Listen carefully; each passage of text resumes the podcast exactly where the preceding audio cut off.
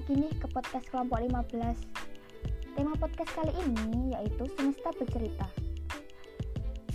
Sebelum kita ke podcastnya, kita kenalan dulu ya.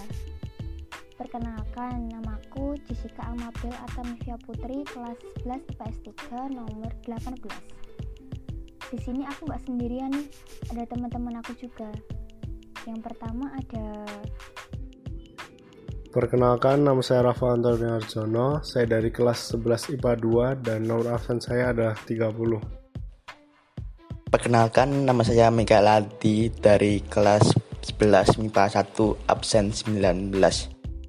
Halo semuanya, perkenalkan nama saya Andre Cahaya Lang Laksmana dari 11 IPS 1 nomor absen 9. Oke, kita langsung aja ya. Pasti kalian gak asing lagi nih sama Tawangmangu apalagi anak-anak yang suka mendaki. Pasti familiar banget.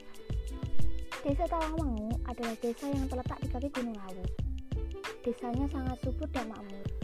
Potensi sumber daya alamnya sangat bermanfaat bagi masyarakat sekitar. Misalnya, di bidang perkebunan.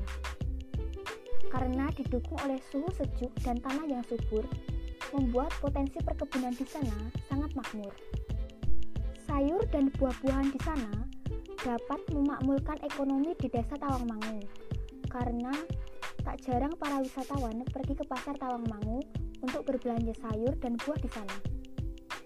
Sumber daya alam yang lain yang tak kalah penting adalah perhutanan, misalnya pohon pinus, cemara, dan sebagainya. Juga pertanian yang menggunakan sistem terasering menambah cantiknya keindahan di sepanjang jalan menuju desa Tawangmangu. Hawa desa yang sejuk dapat memanjakan mata kalian karena terletak di kaki Gunung Lawu. Tak jarang, Tawangmangu banyak digemari para pendaki untuk menjadi tempat pendakian mereka. Dulu, desa ini masih sangat tradisional. Jalan yang dilalui pun belum beraspal dan belum ada perhatian di bidang pendakian dan peralatannya. Para masyarakat Tawangmangu juga masih percaya pada hal-hal mistis. Maka, di sana para pendaki dilarang untuk berbicara kasar atau melakukan hal yang tidak sesuai dengan norma. Sampai sekarang, mereka juga masih menghormati kepercayaan itu sam sampai saat ini. Buktinya, di Tawangmangu juga terdapat candi, yaitu Candi Ceto dan Patung Semar, untuk menghormati perbedaan budaya yang ada dan menjadi ikon penting di desa Tawangmangu. Sekarang, peralatan dan tempat pendakian di Tawangmangu sudah mulai mengikuti arus perkembangan zaman. Dahulu, jarang orang yang ingin mendaki, tetapi berkat adanya globalisasi dan program pembangunan yang berkelanjutan, sudah ada posko di setiap jalur pendaki dan jalurnya pun sudah aman untuk dilewati, walaupun harus tetap berhati-hati.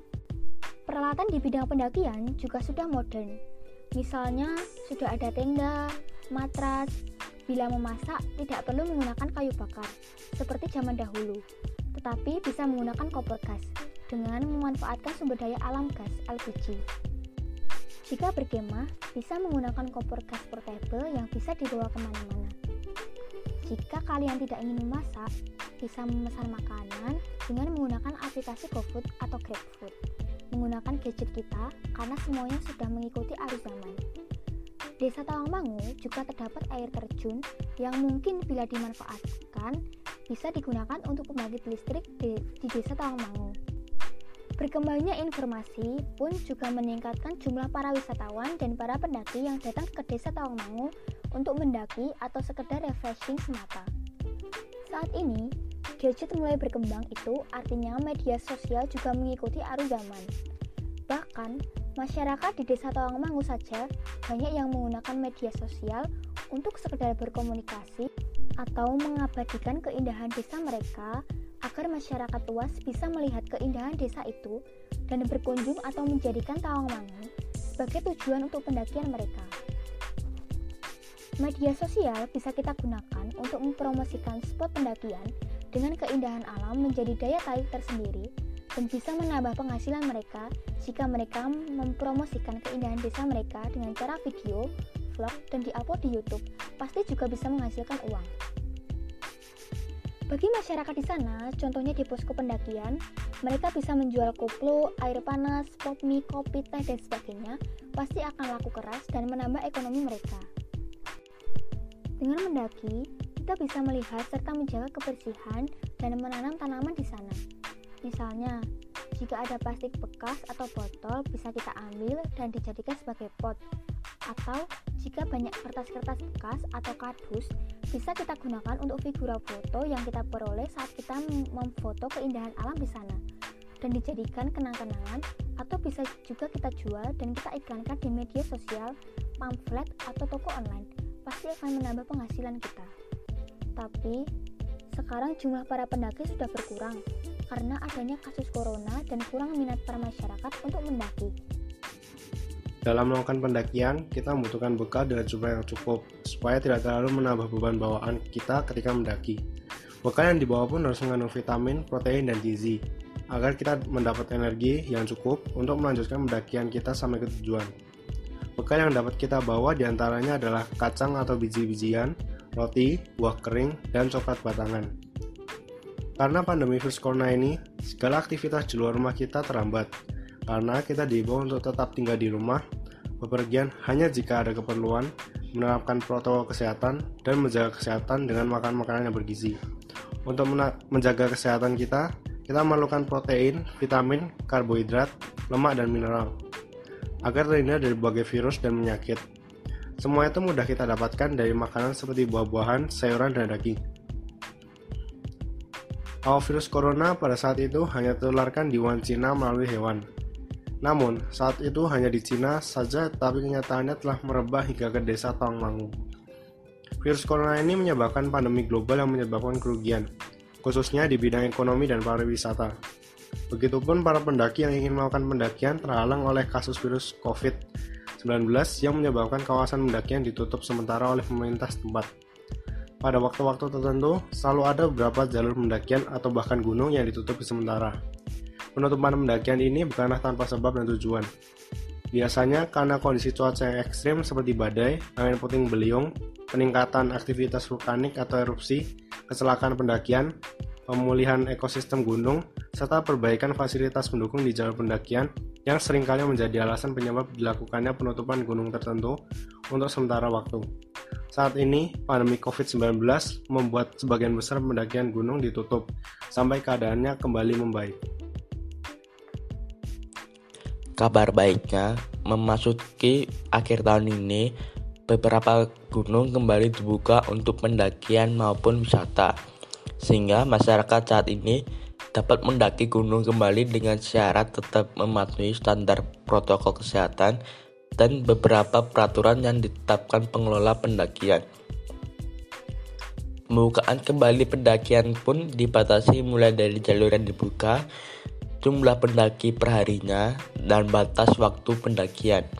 Contohnya di Gunung Lawu, sejak tanggal 16 Maret 2020, semua jalur di Gunung Lawu ditutup untuk membantu pemerintah memutus rantai penyebaran virus corona. Tentu, dengan penutupan jalur pendakian di Gunung Lawu membuat para pendaki kecewa. Tetapi mau bagaimana lagi? Kalau pemerintah menyuruh tutup, mau nggak mau pengurus basecamp Lawu pun harus menutup pendakian. Di masa transisi menuju normal baru kali ini, petugas juga akan membatasi jumlah pendaki yang akan mendaki Gunung Lawu yang lewat jalur Cemoro Sewu, yakni hingga 500 pengunjung per hari. Selain dibatasi dan wajib menggunakan masker, pendaki juga harus menjaga jarak satu dengan yang lain. Aturan protokol kesehatan diberlakukan untuk mencegah penularan COVID-19. Karena masyarakat sangat resah terhadap merabatnya kasus virus corona tersebut khusus di bidang ekonomi dan pariwisata, banyak warga setempat yang meminta pemerintah untuk memberikan ceramah agar para warga tidak merasa resah khawatir akan keadaan ekonomi mereka. Sebelum berceramah, para perangkat pemerintah memperkenalkan diri. Saudara-saudara, dalam masa pandemi corona ini, saya akan memberikan sedikit ceramah agar para warga tidak merasa resah akan kebutuhan ekonomi. Sebelumnya, saya memperkenalkan diri. Nama saya Joko Suroso sebagai kepala desa di desa Tawamangu ini dan dua rekan saya Ibnu dan Tiara sebagai kepala di bidang keuangan dan pariwisata. Dalam ceramah tersebut, Bapak Joko memberikan peluang kepada masyarakat untuk membuka pasar dan pariwisata di bidang ekonomi, tetapi tetap melalui protokol kesehatan dan menjaga kesehatan dan menjaga tata tertib menggunakan masker. Oleh karena itu, warga juga dihimbau tetap menjaga jarak dan menjaga kesehatan. Cara agar tetap sehat adalah mengkonsumsi makanan yang sehat, khususnya para pendaki yang ingin mendaki agar tubuh tetap fit dalam melakukan pendakian. Jangan lupakan buah-buahan supaya memperlancarkan sistem pencernaan apalagi pendaki yang harus berjalan jauh pasti membutuhkan asupan air yang tinggi. Diharapkan usaha saudara-saudara lakukan dapat dipastikan akan membawa dampak yang baik bagi kita bersama dan masalah ekonomi di desa Tawangmangu dapat kembali berjalan seperti biasa. Saat sekelompok orang pergi mendaki, pasti membagi-bagi tugas. Yang pertama ada pemimpin, yaitu orang yang paling berpengalaman di dalam pendakian. Yang kedua ada navigator, orang yang bertugas untuk menentukan arah jalur pendakian. Yang ketiga ada koki, yang tugasnya memasak untuk rekan-rekannya. Dan ada salah satu pembawa logistik untuk keperluan mendaki. Kadang ada juga pemula atau yang belum begitu berpengalaman. Sama seperti dalam gereja Katolik, juga terdapat struktur kepemimpinan atau struktur hierarkis, yaitu orang yang disucikan melalui tahbisan, terdiri dari paus, uskup, imam, dan diakon. Paus adalah pemimpin para umat Katolik di dunia. Lalu, uskup. Tugas uskup adalah mempersatukan dan mempertemukan umat. Lalu ada imam. Tugas imam ialah sebagai pembantu uskup untuk mewartakan Injil di daerah-daerah tertentu. Dan ada diakon. Diakon juga membantu uskup yang bukan untuk imamat, tetapi untuk pelayanan. Selain hierarki, juga ada awam, yaitu umat Allah yang tidak tertahbis. Contohnya seperti biarawan dan biarawati. Tugas awam biasanya menjadi katekis atau guru agama aktif dalam kegiatan lingkungan dan organisasi gereja di paroki dan lingkungan. Nah, itu tadi adalah penjelasan hierarkis yang ada di dalam gereja Katolik. Paus dalam menghadapi masa corona ini dengan cara tidak menjalankan ibadah misa secara offline tetapi secara online misalnya lewat streaming YouTube, live Instagram.